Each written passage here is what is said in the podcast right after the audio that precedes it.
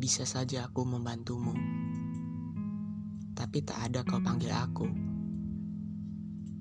Mungkin saja kau tak mau merepotkan orang di sekelilingmu, tapi tetap saja aku repot memikirkan kondisimu.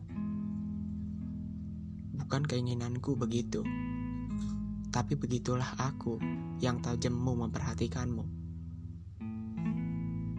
Mungkin kau sedang terpuruk biarkan aku datang, meski aku bukan yang terbaik.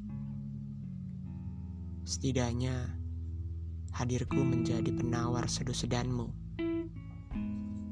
Aku tak mengharapkan apa-apa, selain agar kau baik-baik saja. Bukankah masih ada namaku di kontak ponselmu? Hubungi aku, ceritakan semuanya.